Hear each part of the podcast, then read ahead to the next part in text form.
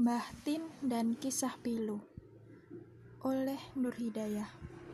Cerita ini terinspirasi dari kisah nyata. Nama tokoh, setting, dan alur cerita disamarkan sedemikian rupa untuk menambah kesan dramatis.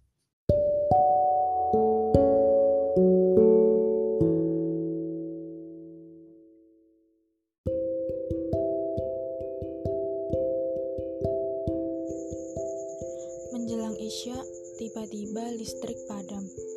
Tak ada siapa pun di kos, aku memilih keluar. Dari depan pintu, samar-samar kulihat seseorang melakukan hal serupa denganku, alih-alih mencari lilin atau senter. Dia Mbah Tin, perempuan 67 tahun yang tinggal di depan kosku. Tangan Mbah Tin mencengkeram kusen pintu sementara kakinya berusaha untuk menuruni sebuah undakan. Lalu ia duduk pada lincak bersuara "Kriet!" tiap ada sesuatu yang menekan. Matanya yang tak lagi awas kini memandang satu-satunya cahaya yang nampak terang benderang malam ini, rembulan. Ada sekitar lima menit Mbah Tin tak bergerak dari posisinya. Entah apa yang tengah dipikirkan perempuan tua itu. Aku sengaja tak menyapa, hanya ingin memperhatikannya. Ku yakin ia takkan tahu ada seseorang di sini sedang memperhatikannya.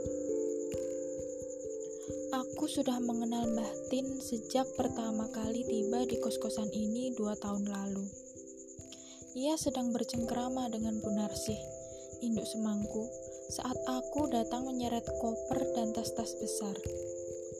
Gaya berpakaian Tin yang masih menggunakan jari batik membuat sosoknya langsung melekat di memoriku. Tak pernah lagi kujumpai seseorang menggunakan jarik sebagai pakaian harian setelah nenek buyut meninggal 17 tahun silam. Mbah Tin gemar berkunjung ke kos untuk sekadar bercengkrama dengan Bu Narsih. Selepas duhur, ia biasanya sudah duduk santai di teras, menunggu Bu Narsih keluar. Sayangnya, induk semangku itu terkadang tak peka sedang ditunggu kalau tidak dipanggil. Pernah suatu ketika, aku menjumpai Mbah Tin duduk seorang diri di teras lebih dari setengah jam. Mau saya panggilkan, Mbah? Tanyaku saat keluar hendak berangkat kuliah. Mbah Tin menggeleng. Si Mbah cuma mau duduk-duduk kok. Beberapa hari selanjutnya, kembali kujumpai Mbah Tin duduk sendiri di teras kos. Aku keluar menemuinya. Saat kutanya mengapa ia hanya duduk menunggu alih-alih memanggil Bu Narsih, jawabannya membuatku berkedip lama. Dek Narsih itu kan pekerjaannya banyak masak, nyuci, beres-beres rumah, ngurus anak, ngurus suami. Simba ndak mau ganggu. Nanti kalau sudah ndak sibuk, dia juga keluar sendiri. Banyak sekali kata tapi yang ingin kulontarkan untuk menyanggah ucapannya. Namun entah mengapa tak ada satupun yang keluar. Justru aku hanya mengangguk dan menanyakan hal lain. Setelahnya, Sekali dua aku menemani Mbah Tin mengobrol saat Bu Narsih tak kunjung keluar. Meski begitu, aku juga tak lekas akrab dengannya. Barangkali perbedaan generasi dan latar belakang membuat kami terlalu sulit untuk menyatukan frekuensi percakapan. Aku mahasiswa yang penuh euforia dan kebebasan masa muda, sementara Mbah Tin dengan segala kesederhanaan hidupnya. Obrolan yang kerap tak nyambung membuatku lebih sering menghindari Mbah Tin. Bukan karena tak suka, hanya saja terasa lebih nyaman bagiku untuk memperhatikannya diam-diam dari kejauhan, seperti saat ini. Mbah Tin perlahan bangkit dari posisi duduknya, seketika menyadarkanku bahwa sedari tadi aku pun tak bergerak. Aku sudah bersiap menyapa kalau-kalau Mbah Tin berjalan ke sini. Tapi ia terus melangkahkan kakinya melewati indekosku.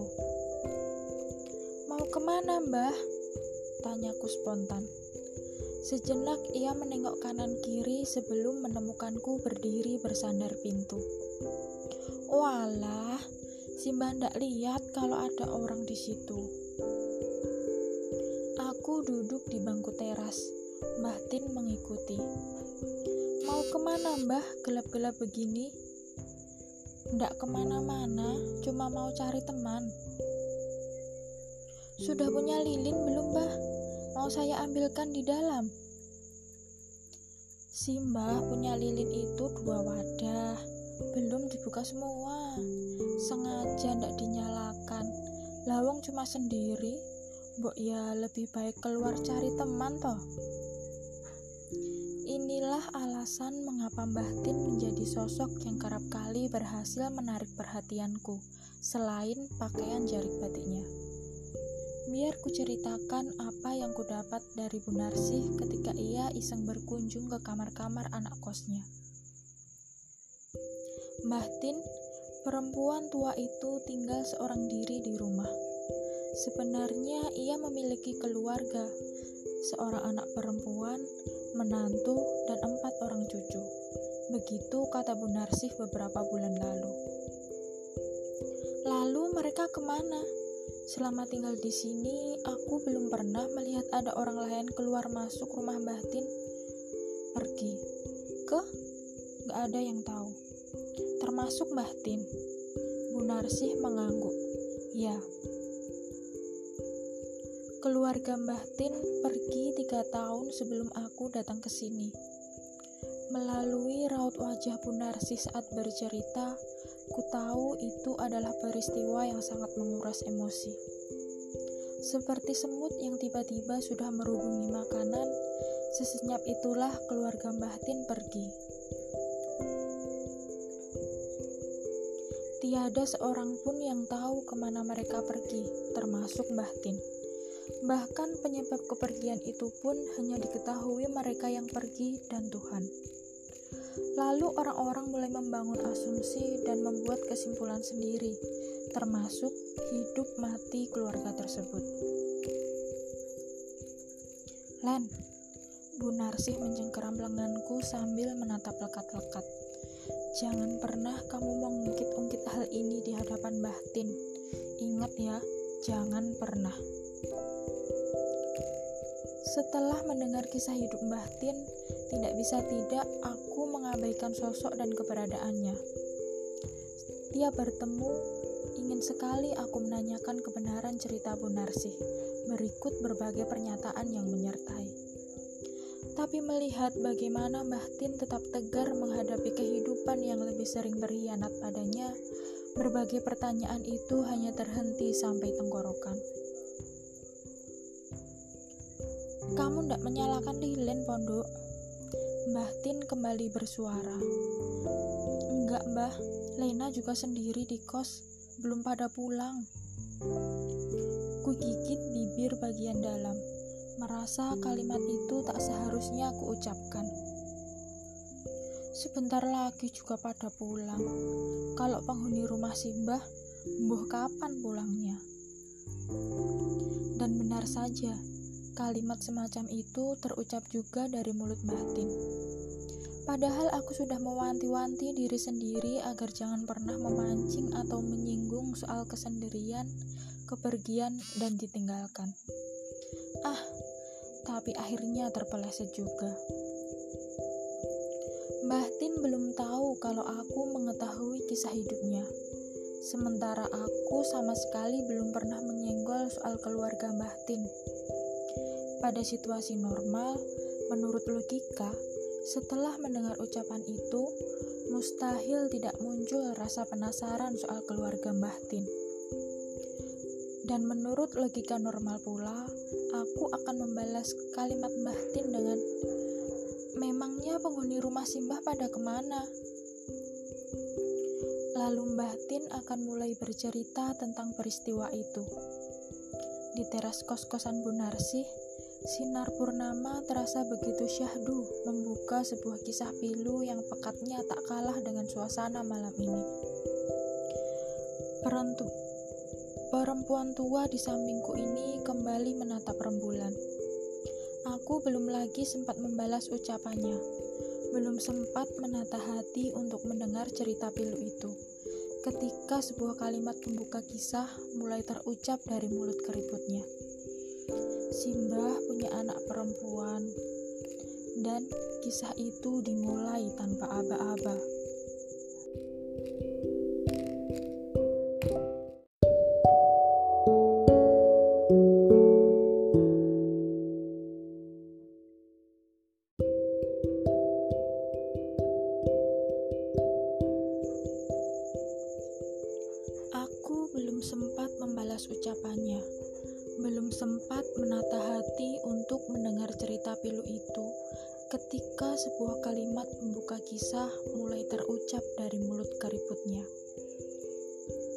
Simbah punya anak perempuan, dan kisah itu dimulai tanpa aba-aba.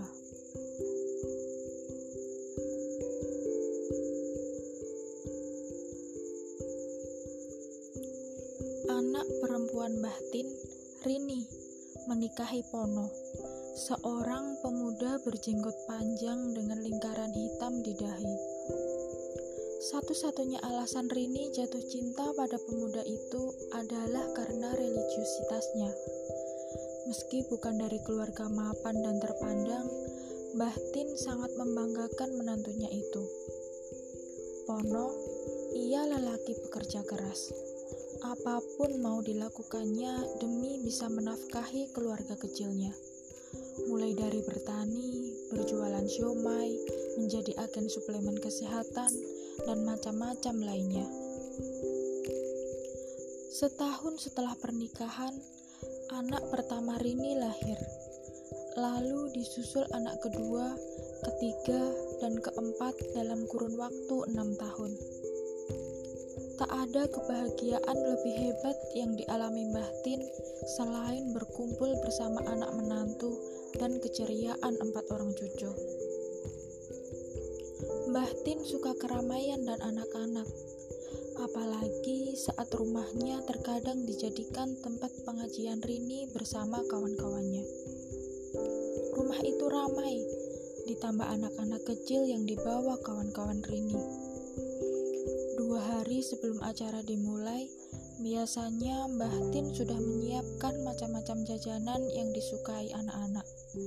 Ada permen, coklat, dan kue-kue. Lalu dengan senang hati, Mbah Tin membagikan jajanan itu pada anak-anak yang datang. Saat acara dimulai, Mbah Tin akan duduk di antara kawan-kawan Rini sekali dua sambil memangku anak-anak kecil atau cucunya sendiri.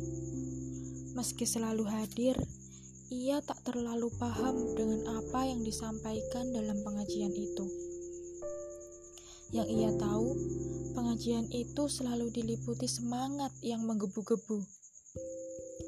Satu dua kali takbir menggebu di langit-langit rumah. Dalam pengajian itu, banyak kosakata yang terlalu asing di telinganya. Bid'ah, khilafah, maljah, syahid. Ia hanya tahu kata kafir, zolim, dan negara Islam.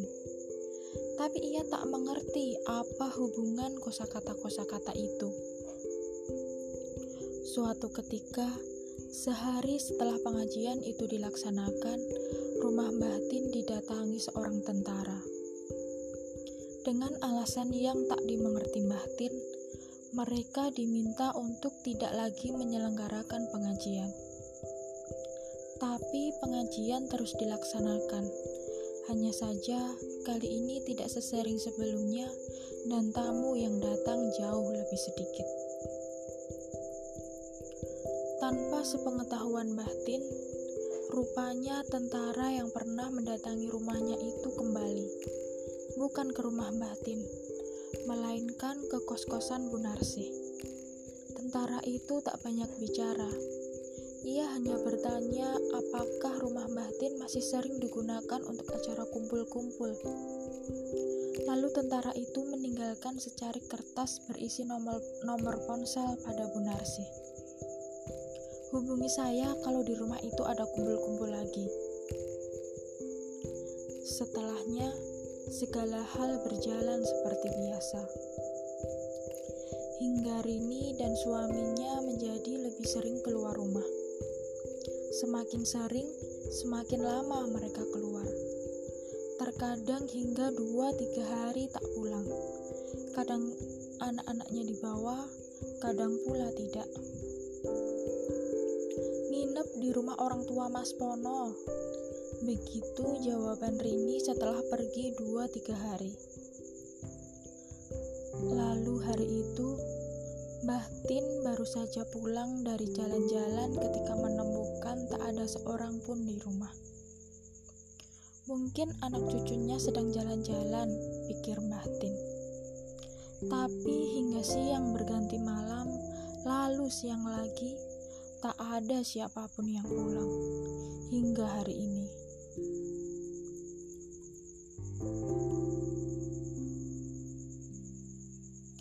Simbah belum pernah mendapat kabar sama sekali dari mereka. Tanyaku perlahan. Mbah Tin menggeleng. Setahun setelah mereka pergi, ada satu teman Rini yang datang ke rumah. Katanya, mereka sedang berjuang di negara yang jauh. Negara apa namanya ya? Simbah lupa.